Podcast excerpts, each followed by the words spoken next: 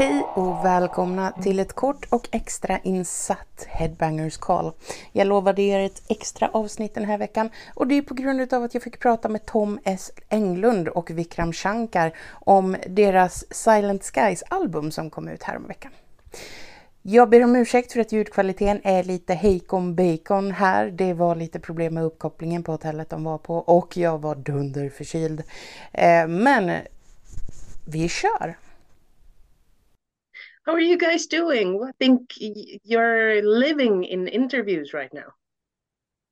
Yeah, we're doing that, enjoying it tremendously. People are seeming to really love this album, uh, which is rewarding for us, of course. Uh, we're in Stockholm right now. Uh, we're having a release party tonight, which is sort of the crowning moment for an album, I think.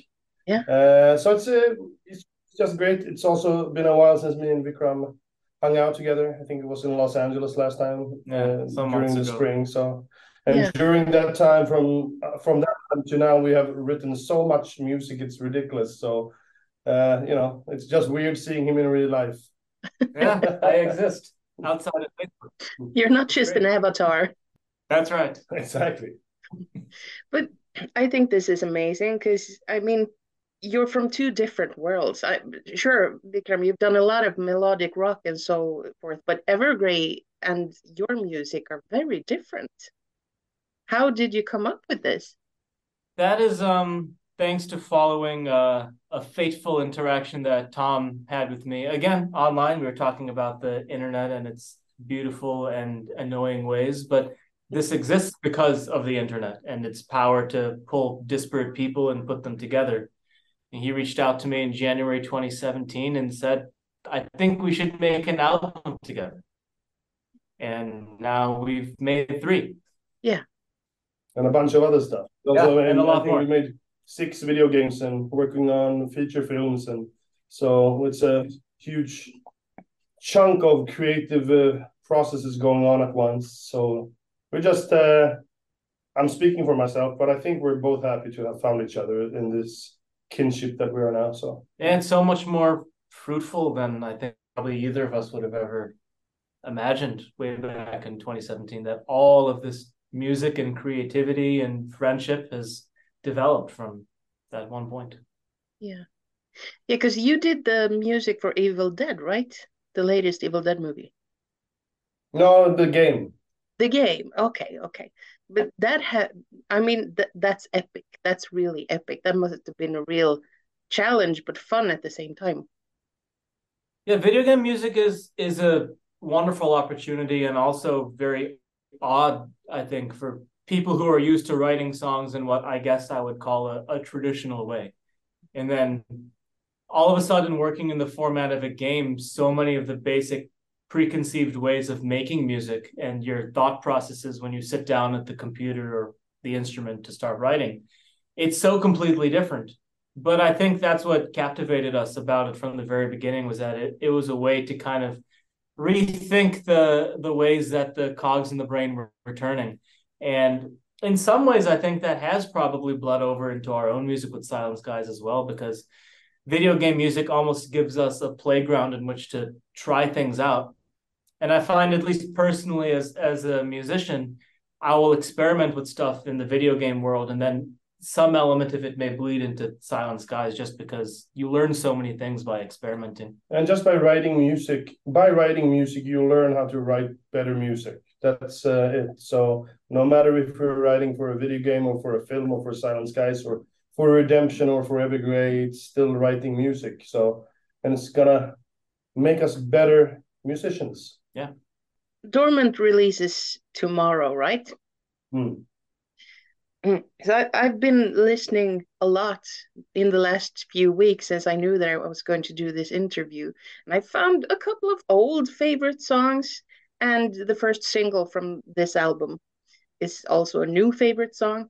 But how do you feel? Do you feel like you've both found outer influences for this album? Because you can really hear that there's a new dimension on this one. Yeah, yeah. I mean, we we hear that too, absolutely. And we're but we're we're we're trying to not be so caught up in how the pro where the process takes us and how it does that uh, or or we try to i just try to sort of go along with the ride you know sit down in the canoe and let go of the oars and you know just follow the stream and hopefully that will lead you to a place where you're we which is not niagara falls but it does sometimes. So it's no but i mean it's a it's a it's a more intuitive uh, spiritual event for us to write music i think. Exactly and and the two of us you know collectively we listen to so many different kinds of music. Mm. many things that would may surprise people so if we're going to do as tom says and just you know trust the process it's going to inevitably lead us in interesting directions mm-hmm. and we do ourselves justice as artists if we allow that process to happen and we don't put up artificial walls and say certain realms are off limits to us we don't really think that way Okay, so now it's inevitable that I ask you, what would one of those surprising things be? Uh, we added a lot of guitars on this album. I think that's one. We added a lot of more rhythms and real drums and uh, becoming. Now we're becoming. It's. I, I would like to think of Silent Skies forever and ever as it being an entity that has its own life and which we are not steering or pushing in a certain direction. But as I said before, it's taking us on a ride and that's pretty much how my creative process is as well when i write vocals i try to listen to what comes to me. And it's not like i try to produce a note. It's the note that sort of tells me which one to sing. So uh, it sounds extremely weird but that's how it is. Uh, there's no way to explain where music comes from hence it being a magic experience for many people. Yeah it's the same for me. So, what are your backgrounds other than the obvious known bands? I mean, did you always know that music was what you were meant to do? You go first. No, I mean, uh, now it, I would say now it starts to feel like this is uh, what I'm meant to do. Now I've been doing it for four and a half decades or whatever it is. uh, but no, it was not something that I felt I was set out to do. It was something that I learned to become in a sense uh, yeah i was different i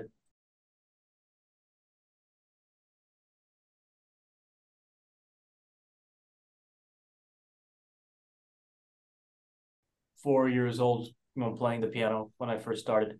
And playing the piano at the age of four or five and a family friend who was an orchestral french horn player saying that you know, he he has perfect pitch. He can identify notes without you know knowing what they are and play them back. He has something you should pursue this telling my parents. Mm.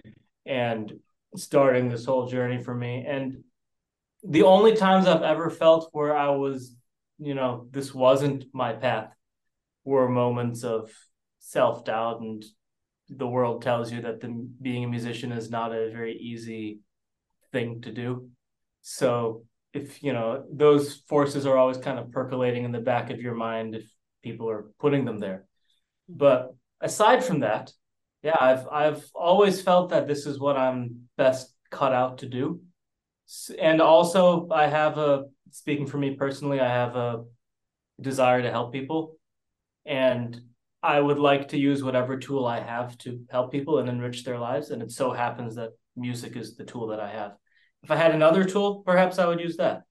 But you know, if I want to make the world a better place, I think this is my best chance to do so. Music is definitely a way for people to survive in really hard spaces. Mm-hmm. So perfect pitch, that's pretty cool. I'm I'm really jealous about that one.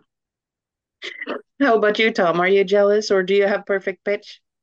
No, I don't, and I'm not jealous at all because it makes music unbearable sometimes. Yeah, I, I should say that that perfect pitch is actually kind of horrible. I mean, I, it's it's a fantastic tool, and I play in so many different, bands and all this kind of stuff, and it, I think it makes me valuable as a band member because I can learn music like that.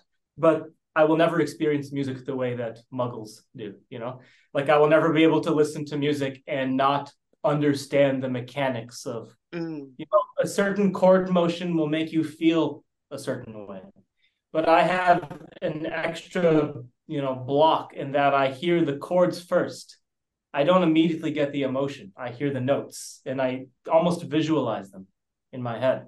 So there's this it's almost like, you know, I have the magic curtain lifted and I and I can see the inner workings and it's it's sometimes I I really wish I did not have perfect pitch, but it has been a significant aid to me. So mm.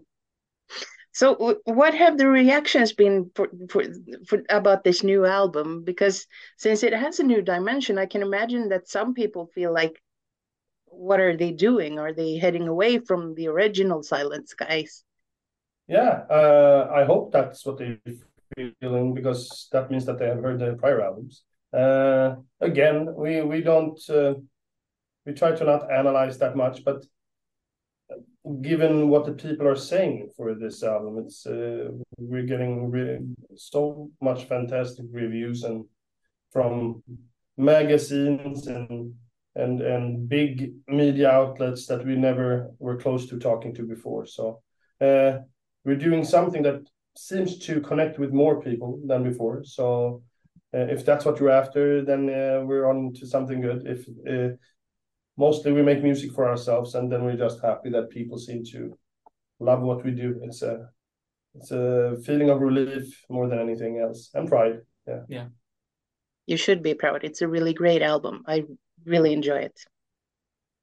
So, what are the plans ahead?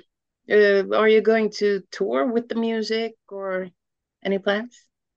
We have just uh, signed a bunch of uh, new uh, business collaboration contracts with the managements and uh, agents and and uh, booking agencies and whatnot. So we are most definitely set on touring. right now, we're make sure that we have the right team.